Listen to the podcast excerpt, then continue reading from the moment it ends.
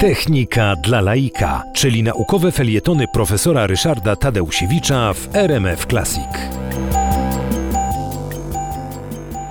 Filmy animowane, tworzone na, na zasadzie pracy rysowników, pracy grafików, którzy musieli narysować ogromną ilość rysunków reprezentujących kolejne fazy ruchu jakiejś osoby czy, czy, czy jakiegoś obiektu, który tam był rejestrowany, to była gigantyczna praca.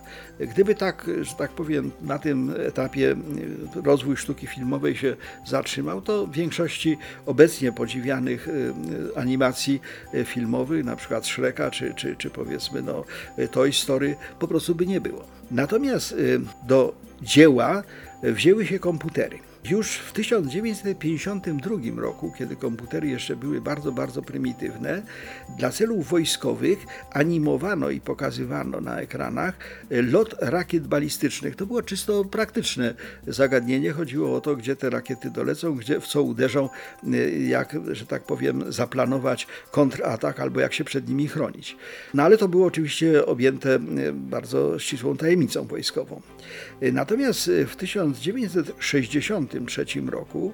Pan, który nazywał się Edward Zajac, nie zdołałem ustalić, czy on rzeczywiście był Polakiem, czy nie, ale na to wskazuje nazwisko, napisał e, na e, komputerze IBM najpierw 7090, a potem 7094. To były pierwsze komputery e, takie półprzewodnikowe, zbudowane na tranzystorach. Otóż on napisał program, który ilustrował ruch satelitów wokół Ziemi. Wtedy zaczęła się już era kosmiczna satelity latały, ludzie chcieli wiedzieć, kto, gdzie, kiedy e, te satelity, w jakim miejscu są.